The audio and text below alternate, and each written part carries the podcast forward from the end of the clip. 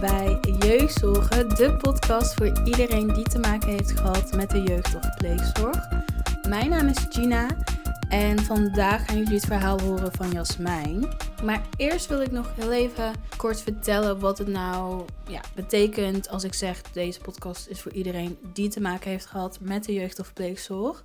Ik wil namelijk voornamelijk wel focussen op jongeren of oud-jongeren die in de jeugd- of pleegzorg hebben gezeten.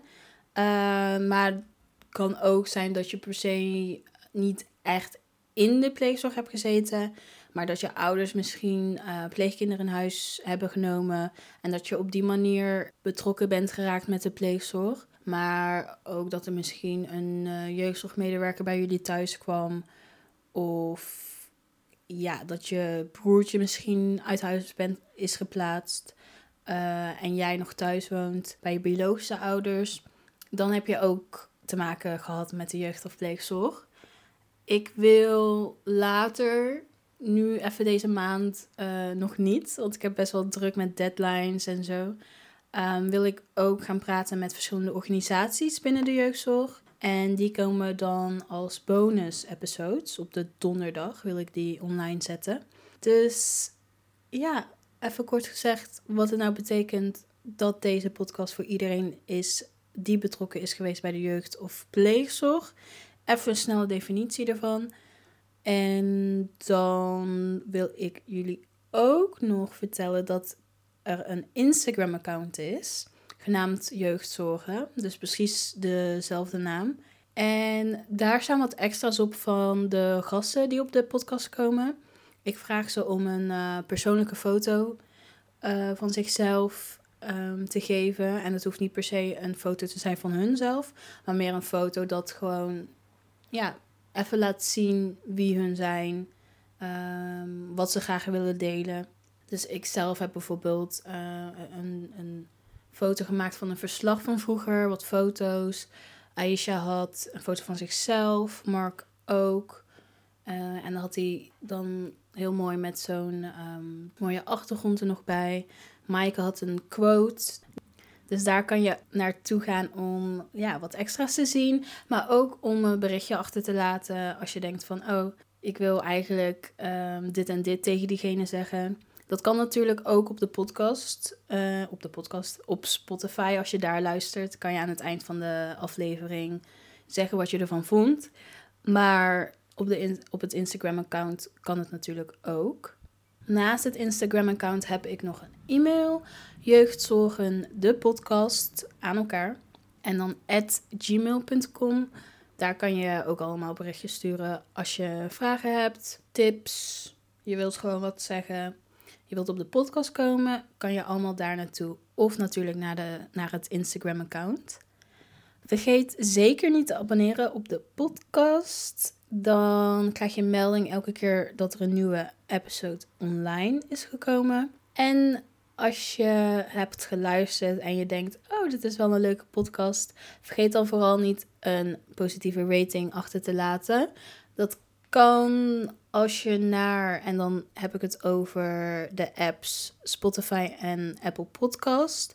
Als je dan terug naar het beginscherm, hoofdscherm van de podcast gaat, van jeugdzorgen, dan zijn er ergens drie puntjes. En die drie puntjes kan je bovenaan het scherm, ja, bovenaan, een beetje in het midden naast de instellingen button. Daar zijn drie puntjes. Als je daarop klikt, dan kan je kiezen om de show te beoordelen. En dan kan je vijf sterren achterlaten. Of vier. Maar het liefst heb ik natuurlijk vijf. Voor iedereen die dat al gedaan heeft, nogmaals super bedankt. Echt heel fijn.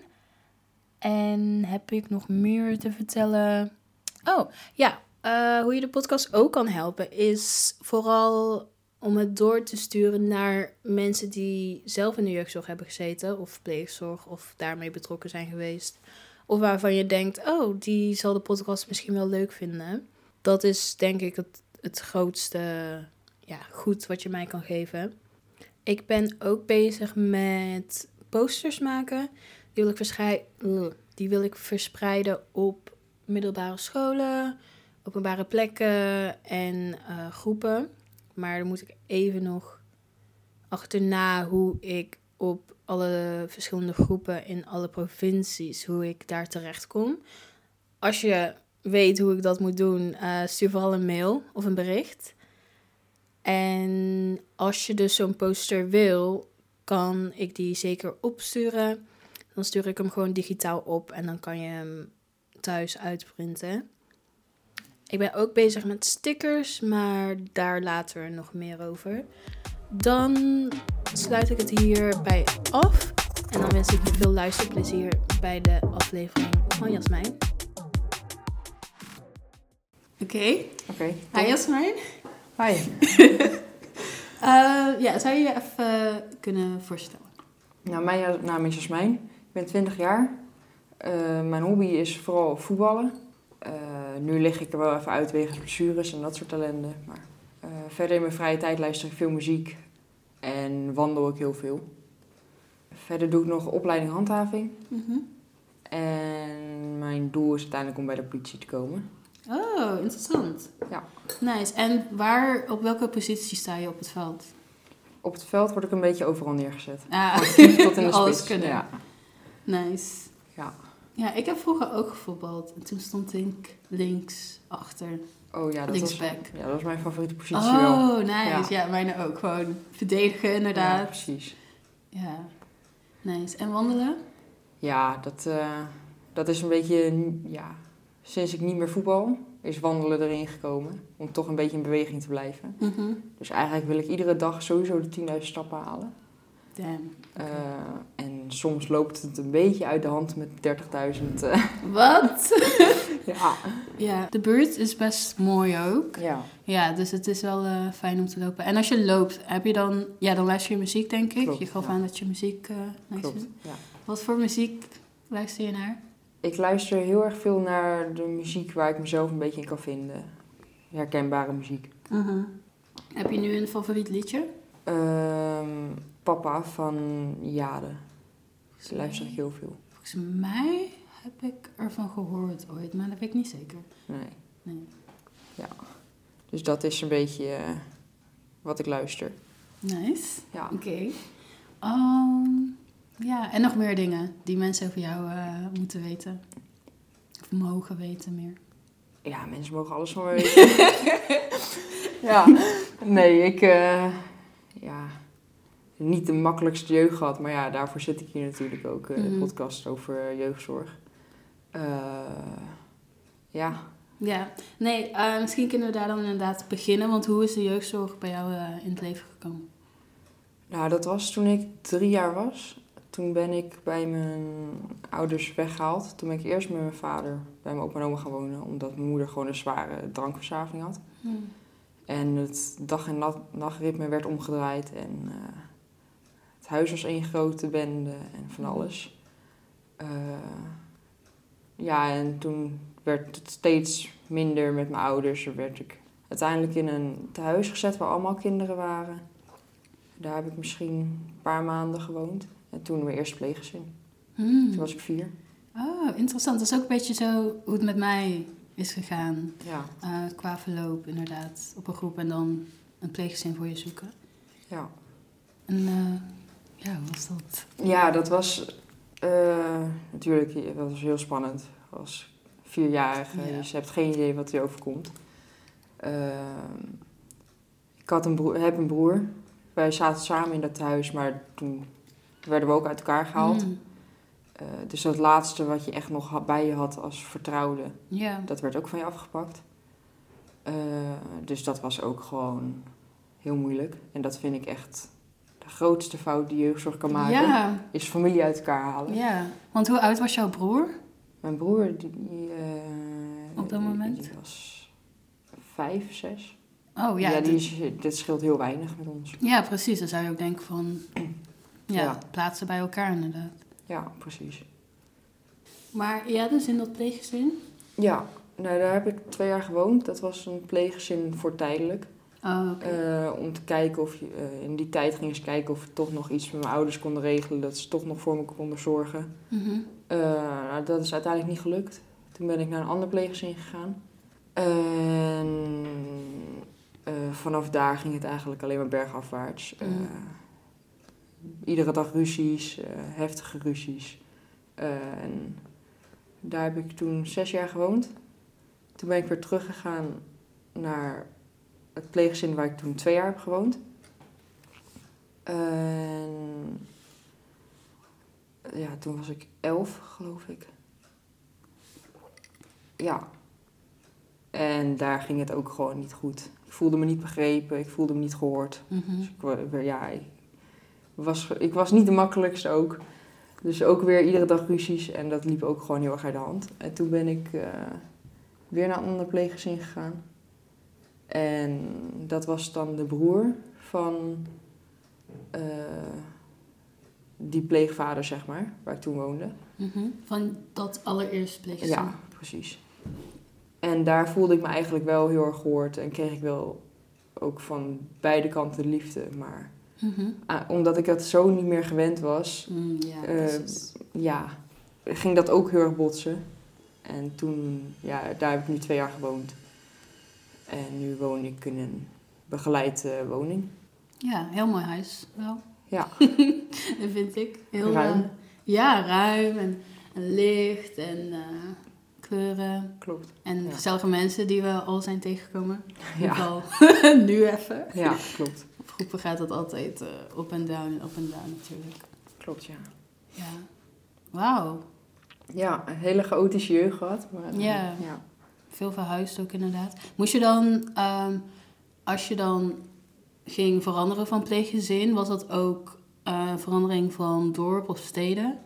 Ja. Of, Ja. ik ging van... eh, nou ja, we hebben, ik heb ook met mijn vader nog gewoond. Dat was in Purmerend. Vanuit Mhm. Purmerend ben ik naar, eh, ik geloof, Hoofddorp gegaan. Vanaf Hoofddorp naar Oosthuizen. Mhm. Het ligt bij Horen in de buurt. En vanuit daar weer terug naar Hoofddorp. Daarna naar Nieuw-Vennep. En nu weer in Hoofddorp. ja. Oké. Ehm, ja, ik ben eigenlijk niet echt bekend eh, in dit gebied. Maar het lijkt me wel inderdaad gewoon irritant sowieso al. Ook al is het dichtbij, ik weet niet. eh, ja, het is vanuit Oosthuizen naar Hoofddorp is het Mhm. zo'n drie kwartier, half uur rijden. ja, dat is toch nog best ver. Ja, het is wel een stukje. Ja. Hmm, vervelend. En je zei dat je ook eh, bij je vader ehm, had gewoond een tijdje. Klopt. Hoe oud was je toen en ehm, hoe zijn ze op die beslissing gekomen? Even, moet ik even nadenken hoor. Het was, Mhm. eh, ik ging weg bij mijn moeder. En mijn vader en moeder die gingen ook uit elkaar op dat moment. Toen ging ik met mijn vader en mijn broer bij mijn opa en oma wonen. En, maar het was daar gewoon te klein voor Mhm. met z'n vijven. En toen ben ik met mijn vader een andere woning in Purmerend gaan wonen. maar ja, mijn vader had die verantwoordelijkheid ook niet. Dus eh, vanuit daar naar het omvangthuis. Mhm. En jouw broer, waar ging die eh, naartoe vanuit jouw eh opa en oma? Ja, die ging ook mee met mijn Oh, vader. yes. En ja, we zijn uit elkaar gehaald bij dat thuis. Mhm, Gingen we allebei een andere kant op. ja. Spreek je hem nu nog? Ja, gelukkig wel. We Ah, hebben weer goed contact weer. Nee. Het is wel heel anders geweest, maar eh, ja, contact is weer goed. Ja, dat is, dat is fijn om te horen in ieder geval. Ja, dat is moeilijk wel. ehm, sowieso met alle dingen die er zijn gebeurd. En dan word je zo uit elkaar gezet. En Ja, elk zo'n nieuw pad op. En dan... Ja, het is gewoon... Ik weet niet hoe, hoe je dat ehm, kan bewoorden, maar... Het is altijd zo lastig. Weet je wel, als Ja. die breuken zijn geweest, om dan weer... ehm, ja, een eh, goede relatie op te bouwen. klopt. Het, het, het geeft je heel erg eh, wantrouwen. Je gaat eh, minder mensen vertrouwen. Ja. Moeilijker mensen vertrouwen. Ja, dat was niet makkelijk. Nee, nee. Zeker niet. Nee. Maar fijn dat je hier wel je verhaal wilt doen. Ja, zeker. Ja, ik hoop gewoon uiteindelijk dat ik er mensen mee, andere jongeren mee kan helpen. Die in hetzelfde schuitje zitten. Mhm. En eh, ik hoop dat ze er wat aan hebben. Zeker. Nou, ja, zeker. ja. ja, is er zelf nog iets waar je op wilt inzoomen of ehm, ja, waar je het over wilt hebben? Ehm, ja, dat is een goede vraag. Waar wil ik het zelf over hebben? Ja, En misschien dat ook niet. Misschien wil je het gewoon eh, hebben op hoe het nu is. Of ehm, de, de leuke mensen die je hebt ontmoet. Of uh, whatever. Het is jouw podcast. Dus. ja. Eh, nou ja, momenteel ben ik heel erg bezig met aan mezelf werken. Met weer een beetje richting de positieve kant op gaan. In plaats van Mhm. net in de negatieve spiraal te zitten. Eh, ik heb geen makkelijk leven achter de rug natuurlijk. Nee. En dat, dat komt er nu allemaal een beetje uit. En ik moet eerlijk zeggen, best wel depressief. Mhm. Maar daar kom ik ook wel weer uit uiteindelijk. Ja, maar het is heel kut om erin te zitten. Zeker. Ja, En je hebt dan ook ja, altijd veel, weet je wel, gebeurtenissen, ervaringen die je in je leven hebt, waar je echt wel weer, dat je echt wel weer kan zeggen van ja, om deze redenen ben ik zo, weet je wel, voel ik me zo. En Ja. eh, eh, die kan ik niet veranderen, wat er is gebeurd, zeg maar. nee, precies. Eh, ja, je kan niet veranderen wat er is gebeurd, alleen hoe je ermee omgaat. En Mhm. dat is een beetje waar ik nu aan moet werken. Ehm, maar er zit nog heel, erg, heel veel werk in. Maar dat, eh, ja.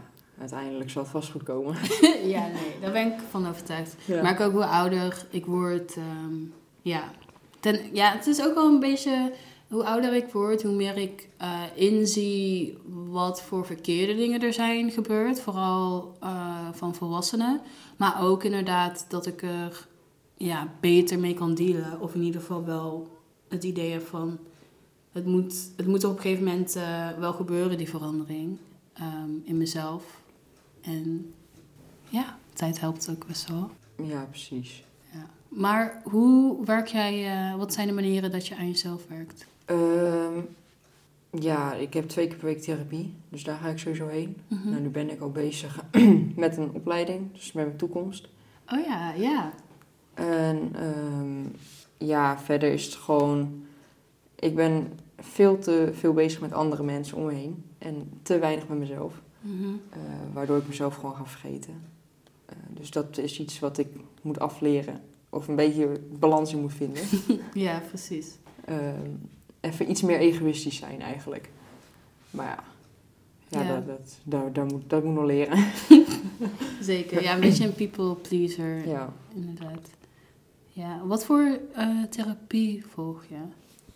Ik ga binnenkort beginnen met EMDR. Hmm. Ehm, ja. En Ja. daar heb ik ook DGT gehad. Dat is meer hoe ga je om met de gedachten en hoe reageer je. Dat is een beetje voor emotieregulaties. Mhm. Dus dat. Ah, ja, ik heb gehoord dat EMDR... Wat kan je nog een keer zeggen?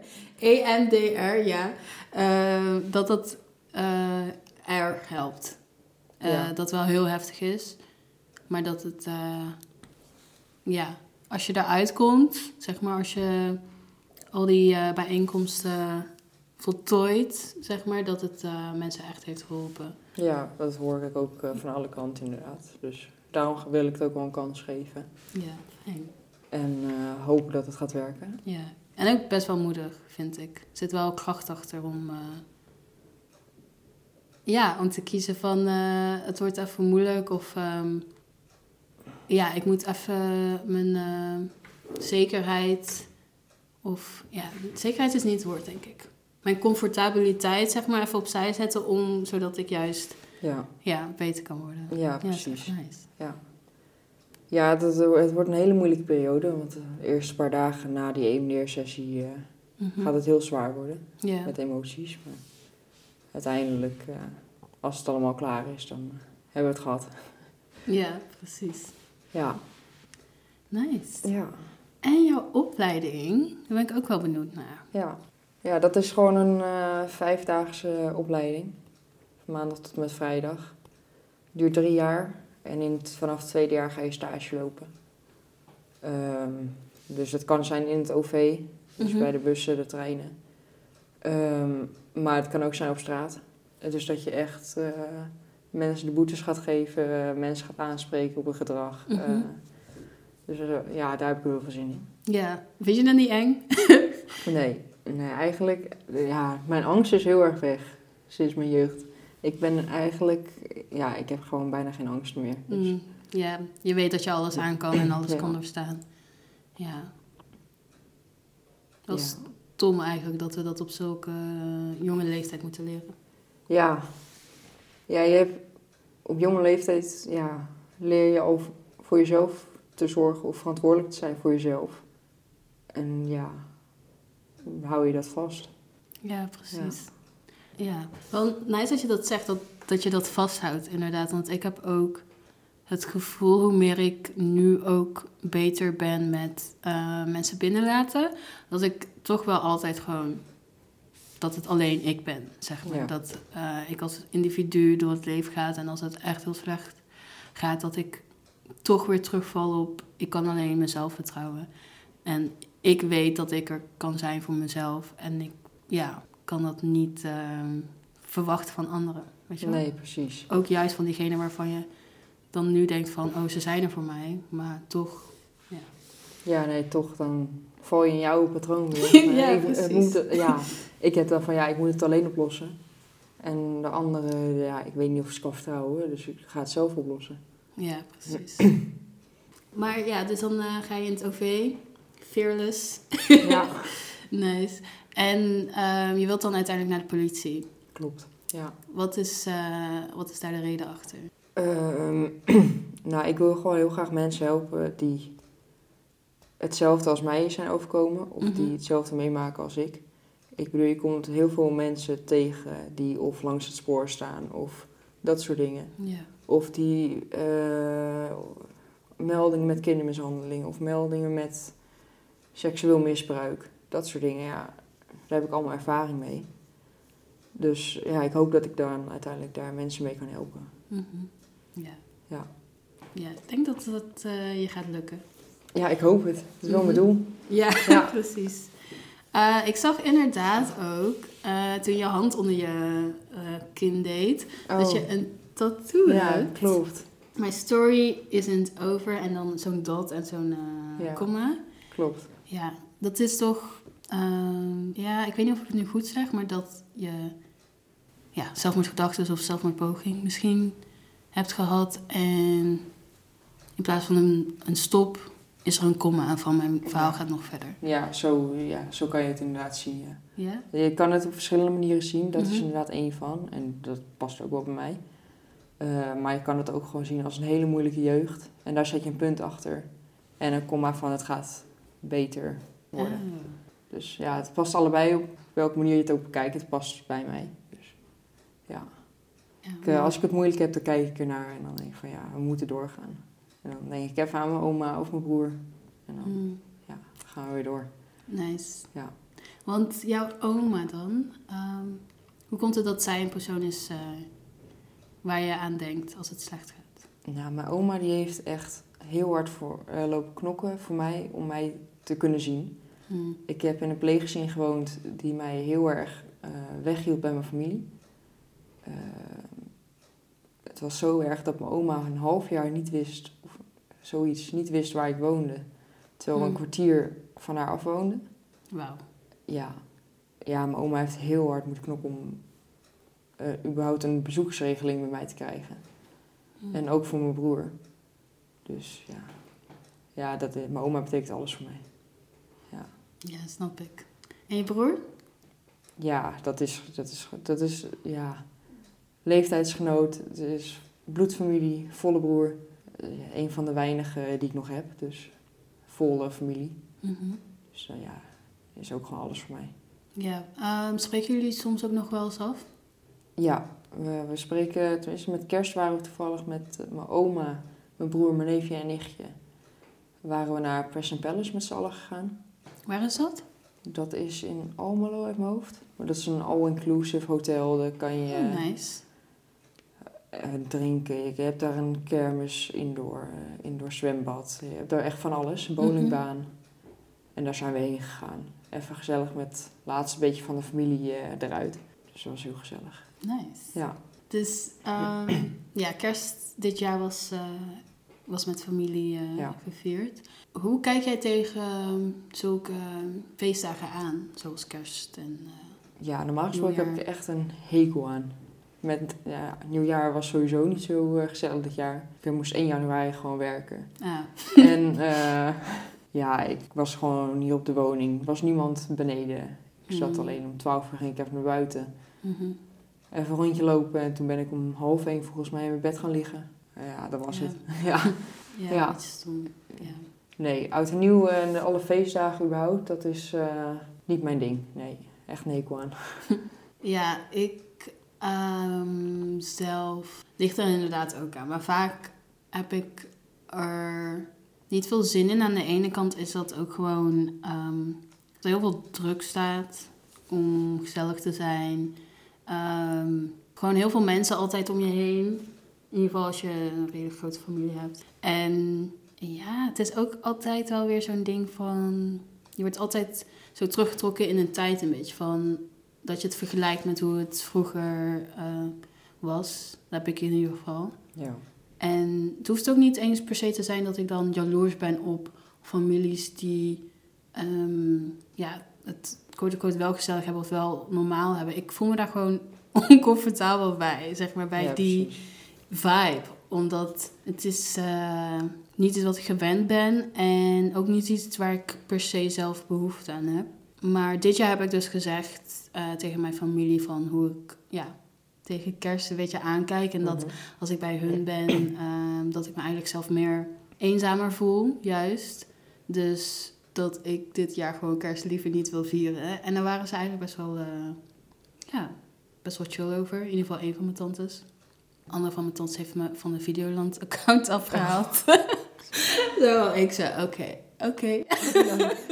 Ja, dat is ook een manier. dat is ook een manier. En ik dacht ook wel van, want eh, zij betaalde dat account echt voor de laatste Ja. drie jaar. Maar ik dacht wel van, oké, deze passief-agressieve vorm Ja, vind ik niet super leuk, maar oké, oké, the note. nou ja. Maar ja, dat deed me ook inzien van, je kan het ook gewoon zeggen als je kerst niet leuk vindt. En ja, precies. ehm, ja, Ja, gewoon eerlijk zijn over, ja, over wat je ervan vindt. ja, precies. Maar ja, sowieso even tussendoor, thanks voor eh, wat je met mij wilt delen. Dat Ja, geen probleem. Ik eh, deel alles. Ja, Ik ben een op open boek. prijs. Nice. Ja. Ehm, ja, ik ben nog eh, een beetje benieuwd naar ehm, het pleeggezin. Waar je dan zes jaar hebt gezeten. Ja.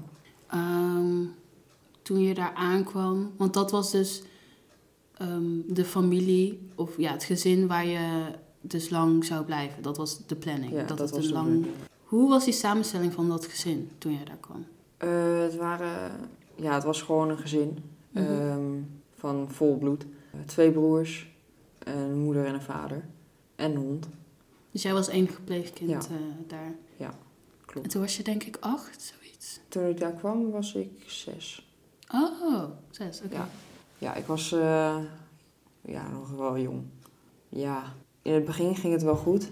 En was het gewoon op zich, het was oké. Het is, als pleegkind voel je altijd wel een beetje anders en een beetje buitengesloten of zo. Mhm.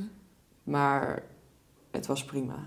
Je kreeg je eten, je had een bed, je had een dak boven je hoofd. Maar uiteindelijk, ja, ik voelde me ook daar niet gehoord, niet gezien. Eh, ik had echt heel erg het gevoel dat ik heel anders behandeld werd ehm, dan de eigen kinderen. Op wat voor manieren? Ehm, ja, gewoon de, de manier van liefde tonen was bij mij heel anders. En de straffen was heel anders. Mm. Als ik niet door had. als ik niet door had, dan, eh, dan moest ik het in de schuur opeten. Eh, dat soort dingen. Ja, dan moest ik mijn bord in de schuur leeg eten. Opeten. Eh, allemaal dat soort dingetjes. Ja, en uiteindelijk ja, ga je daar ook in tegenzetten. Ja. Dan ga je ook je emoties uiten en dan word je boos. En dan, ja, dan krijg je ruzies.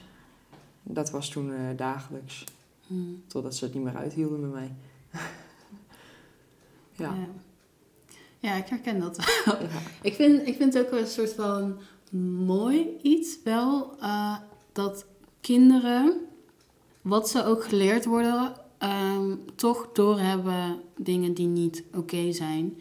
En eh, soms heb je daar wel de woorden voor en de opportunity, zeg maar. Want het is heel moeilijk om als kind in een gezin, weet je wel, met volwassenen om daar tegenin te gaan. Ja, maar dat dat toch wel gebeurt, Ja, zeg maar. Dat, ja, ik weet niet, ik vind dat wel mooi om altijd te horen in die verhalen. Dat eh, iedereen wel die kracht in zich heeft, weet je wel, om, om Ja. te vechten voor zichzelf.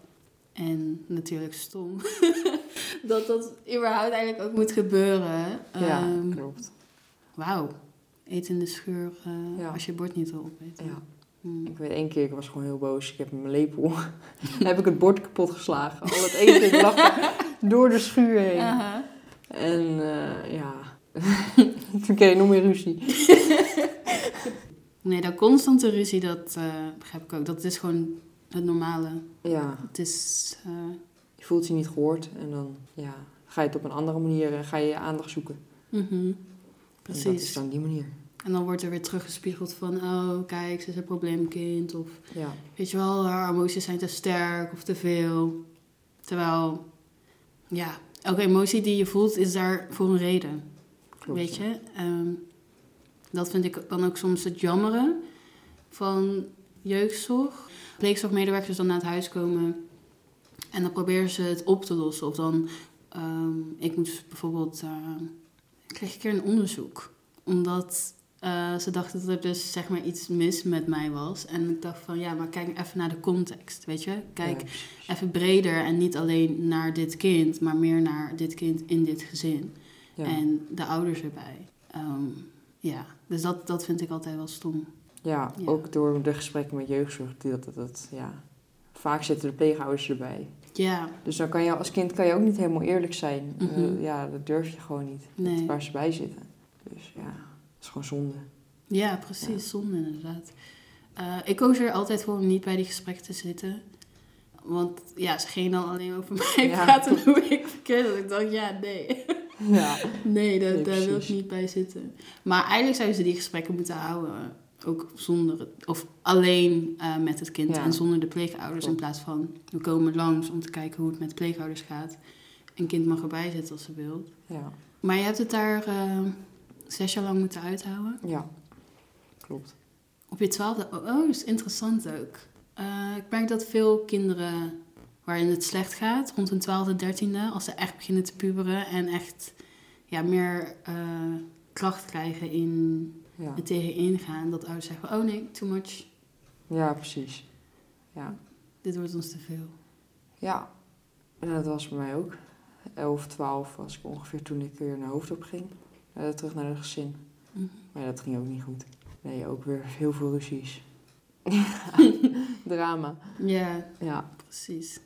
Toen jij dus uit huis werd geplaatst op je twaalfde, ja. of uit dat pleeggezin, waar zou jij naartoe willen op dat moment? Op dat moment wilde ik alleen maar naar mijn familie toe.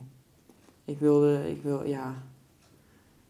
Ja, nee, alleen mijn familie. Ik weet dat mijn broer, die heeft wel nog een tijdje nadat hij uit huis is geplaatst bij mijn moeder gewoond. Mhm. En ik was er toen de tijd heel erg jaloers op. Eh, achteraf denk ik van, dat is maar beter ook dat ik daar niet heb gewoond. Mhm. Ehm, maar toen dacht ik van, ik wil alleen maar naar mijn familie toe en ik ben er klaar mee. Ja. Ja. Maar ja, dat is niet gebeurd. Nee, Dus toen eh, dat pleeggezin. Hoe oud was je toen je daar wegging? 16. En toen ging je, ging je toen hier naartoe? Nee, toen ging ik naar Nieuw-Vennep. Toen ging ik naar de broer van eh Oh, ja. eh, pleegvader. Want die was dan, zat hij ook al in dat Nee, ook organisatie? Of die is dat geworden om jou... eh, Die is het geworden, zijn het geworden om mij te helpen en daaruit te komen. mhm. Is het gelukt? Ja, ja, ik was daar weg uiteindelijk. Toen ik 16 was, ging ik bij hun wonen. Mhm. Ja, dat was midden in de coronatijd. Dus je zat elkaar ook op de hielen. Mhm. Dus eh, ja, dat, dat hielp niet mee. Nee. Dus ook ruzie. Ja, uiteindelijk kwamen daar ook ruzies van. Ik merkte heel erg toen dat ik best wel jaloers was op de manier hoe... Ze hadden een zoon, hebben Mhm. een zoon, zoontje. Hoe hij voor mijn doen heel erg verwend werd. bedoel, ik was totaal, dat totaal niet gewend Mhm. om dat zo te zien. En eh, ja, alles was goed. En eh, als hij wat vroeg, dan kreeg hij het. Ja, ik merkte best wel jaloezie van mijn kant richting hem. En dat ging botsen. Dus ja, daar kwamen ruzies van. En nu gaat het gelukkig weer heel goed. En Mhm. heb ik weer een goede hem. Af en toe is een weekendje daar logeren of dat soort Oh, dingen. nice. Gelukkig. Ja. Maar dat was wel jammer. Ja, nee, ik, eh, ik snap dat wel inderdaad. Ehm, ik was ook soms inderdaad echt confused als ik dan met vriendinnen ging afspreken hoe veel ze mochten zeggen tegen hun ouders. Ja. En dat hun ouders er totaal niet op reageerden. Maar toen zat ik nog echt in de trend van, ehm, ja, inderdaad verwend, maar ook eh, dat de ouders echt over hunzelf liep, ja, lieten ehm, lopen, zeg maar omdat ik gewend was dat ouders streng waren, weet je wel. En Ja. toen was ik ook nog wel overtuigd dat het zo hoorde te zijn. Ook al waren er dingen waar ik het niet mee eens was. Zat ik wel, ik weet niet, in die wereld van strengheid en regels. En Ja, precies. Dat allemaal. Ja, dus het was best wel een wereld van verschil toen ik eh, daar aankwam. Met alles was goed en eh, ja.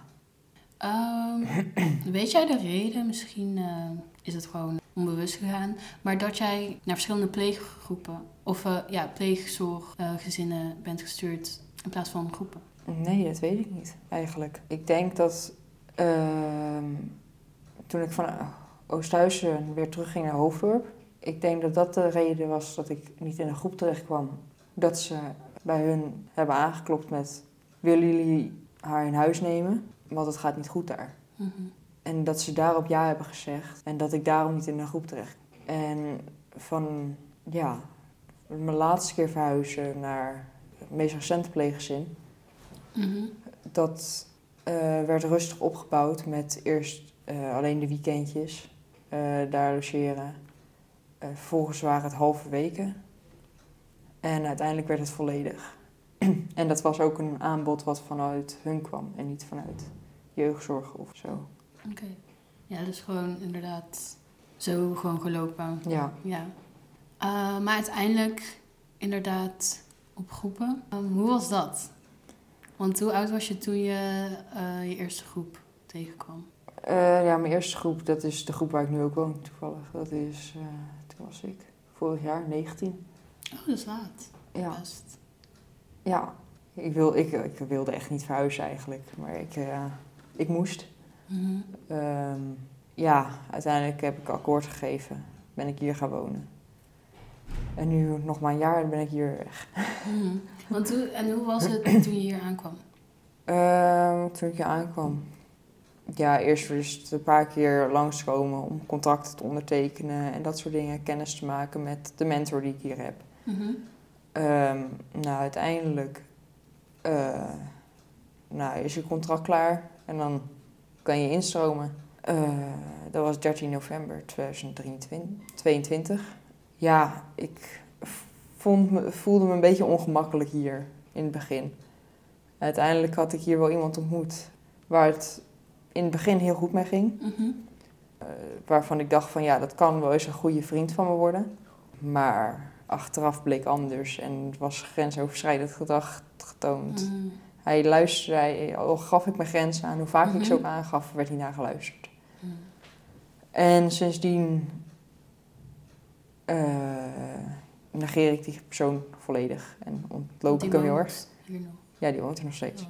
Is wel bezig met uitstromen volgens mij. Mhm. Maar, eh, maar verder, ik heb er wel een hele goede vriendin opgebouwd. Ja, die steunt me ook wel door de moeilijke periodes heen. En ik haar door de moeilijke periodes. Dus dat is wel heel fijn. En verder had ik hier een relatie, maar dat is zo weer klaar. dat eh, werd één drama, want je zit natuurlijk iedere dag op elkaars lip. En dat is niet handig. ja, verder ook nog wel een goede vriend hier. En verder is het allemaal, je kent elkaar. Je bent er voor elkaar als je elkaar nodig hebt. Maar ja, dat is het ook wel. Ja, je, je leeft toch ook wel gewoon zelfstandig Ja. inderdaad. Een beetje langs elkaar. Ja, precies. Soms. Tenzij je inderdaad die connectie vindt met iemand. En dan, eh, ja, snap ik inderdaad wel. Ja. Ook met die jongensdrama. ja. ik, eh, vroeger was ik altijd, eh, vroeger en dan bedoel ja, vanaf het begin op de groepen tot ongeveer 15 jaar vond ik het altijd heel raar dat mensen op de groepen met elkaar eh, een relatie begonnen of gewoon, weet je wel, whatever, hookups. Ja. Eh, want ik dacht, er komt toch altijd drama van, totdat ik dus zelf Ja. iemand tegenkwam. En toen dacht ik, ja. eh, en inderdaad, het liep ook op drama uit. Dus ik had daarin ook wel gelijk. Maar ja. Ja. het gebeurt gewoon. Ja. Ja. Maar ja, het wordt dan inderdaad lastig als je er mee samenwoont. Ja. ja, en ook als het dan uit is. Je, je, woont nog steeds met elkaar. Ja. En dan is het af en toe eens lastig. Maar, Ja. Want, oh ja, je zei eh, voordat we de podcast überhaupt begonnen dat, hier, dat je hier met 13 mensen woont. ja, klopt. En de begeleiding, want op dit moment is er nu ehm, niemand. Die... Nee. nee, nu is er niemand. Alleen die huisjuffrouw is eh, thuis. Dus mocht er echt iets nou, zijn, dan kan je bij haar terecht. Mhm. Maar eh, iedere dag is er eigenlijk door de week van 8 tot 10 's ochtends is er iemand aanwezig. En dan van half vijf tot 8, half, 8 uur, half 9 zijn er twee begeleiders aanwezig. Ehm, en dan overdag zijn de mentoren er wel eens voor afspraken. Oké. En ehm, als je begeleider bent, kan je dan ook, kan je ook mentor zijn, denk ik. Of zijn dat alle, allerlei verschillende mensen weer? Ehm, ja, het is meer als je mentor bent, kan je ook begeleider zijn. Een mentor heb je volgens mij weer een andere opleiding voor nodig en die moet je echt afgesloten hebben. Mhm. En begeleiding, dat kan je nog naast je studie doen tot iets. Hm, ja. Dus hoeveel eh, begeleiders en mentors zijn hier? Dus er zijn eh, drie mentoren. En ja, begeleiders, dat wisselt heel erg. Er gaan er een paar weg, er komen er weer een paar bij. Er zijn weer wat invallers hier en daar. Dus ja, dat is niet echt vast. Ik denk dat er nu zo'n vier, vijf vaste begeleiders zijn. Heel veel invallers ook. Hm. Ja. En eh, hoe bevalt jouw mentor? Nou, ik krijg eh, volgende maand een nieuwe alweer. Ah, Ik heb een hele chaotische periode gehad met mentoren. Ik heb volgens mij iets van negen gehad in drie maanden. mhm. Dat is... Ja, Wacht, die moest even binnenkomen. Ja. Het was één, één, één grote ellende. Mijn mentor die ging met zwangerschapsverlof, die ging weg. En toen konden ze geen nieuwe vaste vinden. Dus toen heb ik een paar maanden op eh, invallers geleefd. en nu heb ik een nieuwe. Maar daar klikt het niet echt mee. Hm. Eh, dus krijg ik weer een nieuwe. Nice. Maar als het goed is, gaat het wel goed komen. Die Heb je die al eh, een keer ontmoet? Die heb ik ontmoet en dat is gewoon prima. Dus vanaf de week van 5 februari heb ik een nieuwe. Dus dat is Fijn. bijna. En voor wat voor dingen kan je naar hun toe? Eh, nou, eigenlijk heb je dus één of twee keer per week heb je een afspraak. En dan bespreek je eigenlijk gewoon de praktische dingen. Of als je mentaal moeilijk hebt, kan je dat ook bespreken. Eh, of de weektaken. Iedere week heb je één taak die je moet doen in het huishouden. Eh, die kan je ook met je mentor doen, eventueel. Dus allemaal dat soort dingetjes. Heb je administratie op orde? ja. Dat soort kleine praktische dingen. Ja, oké. Dus verder worden je eigenlijk best wel ehm, ja, vrijgelaten. Ja, het is, ja, we zijn best vrij. We mogen de hele nacht wegblijven als we willen. Dus ja, deuren gaan niet op slot. Je kan de deur gewoon openmaken. Oké, nice. Gelukkig. Anders dan, eh, was ik hier al lang weg geweest. Ja, dat snap ik. ja. En ehm, deze groepen vallen onder jeugdzorg, toch? Eh, deze niet, volgens mij. Er zijn groepen die wel onder jeugdzorg vallen, maar volgens Mhm. mij deze niet meer. Nee, dat Niet. dacht ik al, want jij bent dus nu 20. Ja. Ehm, en meestal is het dan niet, zeg maar, de bedoeling dat je dan nog een jaar of twee jaar op zulke plekken kan wonen, in ieder geval binnen de jeugdzorg. Nee, de- deze groep valt als het goed is niet meer onder jeugdzorg. Dit is gewoon... dit is eigenlijk een groep voor... Als je een lichte beperkingen hebt met autisme of ADHD. Of je kan nog net niet goed genoeg voor jezelf zorgen. Of Mhm. de administratie bijhouden. Dan ga je hier wonen en dan wordt het je geleerd. En dan kan je daarna op jezelf. Mm, interesting. Ik ga ook aankomende vrijdag praten met iemand die in ehm, zo'n soort huis ook zit. Oh ja, nice. Ja, in Tilburg. Dus eh, Zo. back to my city. Ja, nice. Ja, je moet ehm, altijd zeggen als je ergens niet over wilt hebben. Ja, nou ja, ik vind het prima. Ik kan over alles praten. Mhm. Ehm, zou je misschien wat kunnen zeggen over ehm, eh, waarvoor je EMDR eh, gaat? Ja. gaat? Eh, de EMDR die ik ga volgen, dat is, eh, gaat over de overlijdens van mijn moeder en mijn opa. Oh, wauw. Ehm, verder ook over de ruzies die ik heb meegemaakt in de pleeggezinnen. Die waren eh, heel heftig, vaak. Vooral dat eigenlijk. Ja, wanneer is je moeder overleden? Moeder is overleden 24 juni 2020, dus nu 3,5 jaar terug. Ja, nog niet zo lang. Nee, Nee. nee dat is eh, redelijk recent. Hoe ehm, hoorde je het dat je moeder was overleden? Ik eh, kwam thuis van school. Ik was aan het wieën. En ehm, ik werd door mijn ex-pleegmoeder naar boven geroepen om even te praten. En toen zei ze dat ze een telefoontje had gekregen van mijn oma. Dat ze was overleden. Ja, dat was, eh, die dag vergeet ik echt nooit meer. Mhm. Nee. Nee, dat, eh, dat staat voor altijd in mijn hoofd eh, gegraveerd die dag. Ja. En toen, ze woonde toen in Groningen. De crematie was dus ook in Groningen. Dus wij naar Gro- Groningen voor de crematie. En daarna moest ik gelijk door naar school voor mijn diploma-uitreiking. Oh, wauw. ja, dat was een hele dubbele dag. Ja. Van een crematie naar een eh, Ja, diploma-uitreiking. ja. Ja. crematie ook van je moeder nog Ja. eh, wel eens. Ja. Ja, wat, wat waren de gedachten en gevoelens die je had toen je dat hoorde? Ehm, ja, ik was vooral heel boos. Ik was boos op alles en iedereen. Ik was net het contact, was ik weer een beetje aan het opbouwen met haar. Mm. Dus dat maakt het toch extra, Ja. extra vervelend, eigenlijk. Ehm, ja, het, het- het- je bent heel erg machteloos en je kan niks. Eh, je wilt, ja, je wilt van alles doen. Je, ik wilde nog van alles bespreken met mijn moeder, Mhm. natuurlijk. Maar ja, het kan niet meer. En dat, dat, die kans wordt zo uit je leven gerukt. Dus dat- ja, dat, dat, dat was denk ik wel het moeilijkste.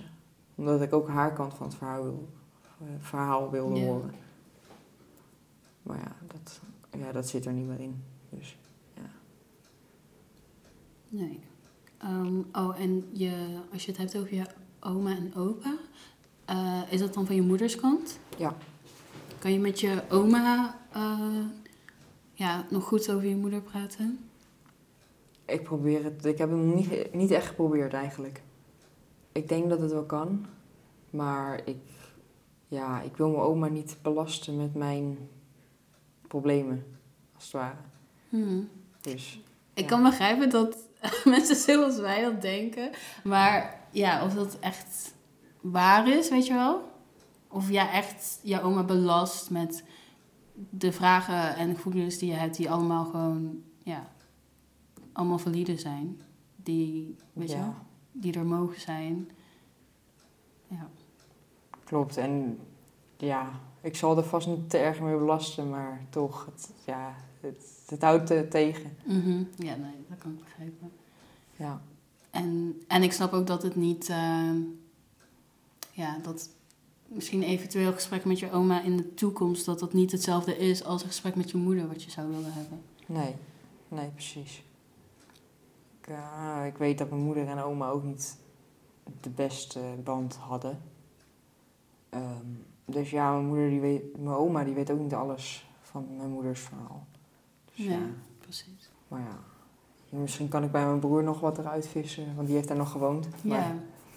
ja, verder dan dat eh, zal ik ook niet komen. Nee. Nee, heeft lastig inderdaad. Ja.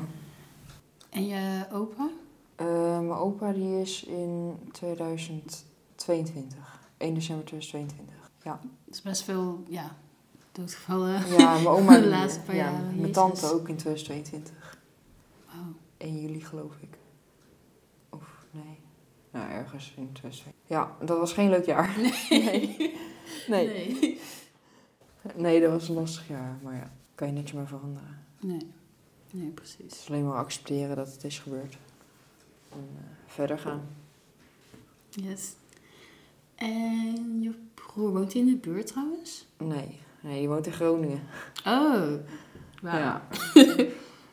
ja, nee, die woont niet in de buurt, nee. Drie uur reizen, maar eh, zo af en toe eh, ga ik er eens een weekendje heen. Of komt hij een weekendje deze kant op. Mhm. Dus ja, daar verzinnen we wel wat eh, op. Ja. Ja. ja. dat is wel echt fijn dat dat gewoon ja, weer zo gehecht is als, als mogelijk is, Ja. natuurlijk. Ja, daar ben ik wel heel blij mee, ja. Ja, En je had het daar straks over dat hij je enige volbloed familie is. Heb je ook nog eh, broertjes en zusjes die half zijn? ja ik heb twee halfzussen. Eén half zusje en twee half broertjes. Big family. Ja, en verder nog eh, allemaal pleegbroers en pleegzussen. Mm, ja. Die tel ik nooit echt mee. Nee, snap ik. Het ligt ook uiteindelijk aan ervaring Ja. van hoe je, hoe je ze ziet in, eh, in jouw leven natuurlijk. Ja, Ja. precies. Ja, mijn pleegzusje, daar ben ik dus vanaf jongs aan opgegroeid. En ehm, ja, die zie ik gewoon als zusje. En dan heb ik ook nog halfbroertjes. Ehm, die zijn wel met mijn eh, biologische moeder opgegroeid. Dus ja, die zie ik ook niet echt vaak. En nu eigenlijk niet meer. Dus ja, het is raar, maar ehm, qua ervaring zie ik mijn pleegzusje meer als zusje dan drie halfbroertjes. Nou ja. ja, het leven is af en toe... eh, Het is heel interessant inderdaad. Ja, En die ik Inderdaad. al die familie eh, eh, opstellingen en zo. Ja. Ehm, ik zou ook nog graag van jou willen weten, want je, ehm, ja, je wilt deze podcast maken om mensen te helpen. En je wilt ook de politie in. En Ja. ja, het hele leven staat ook al een beetje in trend om allemaal mensen te helpen. Wat zou jij graag tegen jongeren willen zeggen? Die op de groep zitten of in pleeggezinnen of whatever. ja, ik denk dat het gewoon heel belangrijk is om te blijven praten. En hoe moeilijk het ook is, want ik doe het ook niet altijd, maar los het niet, probeer het niet alleen op te lossen. Want samen sta je gewoon sterker. En anders krop je je eigen shit alleen maar op. En je bent ook niet alleen. Je bent niet de enige die iets doormaakt. Er zijn altijd wel anderen ook die hetzelfde hebben meegemaakt of ook doormaken. Ja. Dus zoek iemand op die je vertrouwt en praat erover. Dat is gewoon heel belangrijk. Ja, precies. Dat vind ik ook een belangrijk, inderdaad. Dat je wel blijft praten en ehm, het in ieder geval niet opkropt. Nee. Want dan kan je er ook... Ja, soms eh, kunnen we onszelf eigenlijk niet vertrouwen. nee. Over hoe negatief we over onszelf kunnen denken en over de wereld natuurlijk. Ja, klopt. Ehm, ja. ik, ik moet lachen omdat het heel grappig is. Want eh, ja, we zijn van mening dat we alleen onszelf hebben, weet je wel. Maar we kunnen onszelf zo ook erg in de, in de weg staan Ja. voor dingen. Ja, klopt. Ja, dus zit echt in zo'n cirkel waar ja, je niet uit een- kan. Ja, zo'n spirituele cirkel. Ja. met, eh, ja, Maar ja, praat. Ehm, ik sluit meestal de podcast ook af met de vraag ehm, wat jou zou hebben geholpen. Of een verandering of ehm, ja, iets wat je zou willen zien in de pleegzorg of jeugdzorg. Wat jouw ervaring beter had kunnen maken. wat beter kan in jeugdzorg. Nou, doe gesprekken ook met het pleegkind alleen. En niet waar de pleegouders bij zijn. En haal broers en zussen niet uit elkaar. Dat is gewoon, dat, het is het laatste vertrouwde wat je, wat je hebt. En dat wordt dan ook van je afgenomen. Dus ja, dat zijn de twee belangrijke punten die, ja, die voor mij heel hoog staan. Ja, precies. Want dan heb je iemand naast je die, ja, ik wil zeggen die jou begrijpt. En dat hoeft niet altijd per se zo, maar in ieder geval die wel eh, dezelfde stap als jou heeft meegemaakt. Jullie komen uit hetzelfde gezin, kunnen dat misschien anders ervaren, maar like, ja, dat is wel je enige link in deze wereld, weet je wel. Ja, precies. Ja. En nu woont hij helemaal in Groningen, Ja, dus ja, klopt. Dat is niet dichtbij. nee. Ja, nee, dat zijn twee dingen die... eh, twee grote fouten van jeugdzorg. Nou, dankjewel. Ja, Jasmijn. geen probleem. Ehm, dan sluit ik de podcast nu af. Tot de volgende keer iedereen. Ehm, ja, ik hoop dat jullie ervan eh, genoten hebben. Of in ieder geval altijd met die termen van genoten. Terwijl, you know, super eh, eh, ja, real verhaal wordt verteld. Maar ik hoop dat jullie wel, dat je het fijn vond om eh, naar Jasmijn te luisteren. Ik in ieder geval wel. En zie jullie de volgende keer.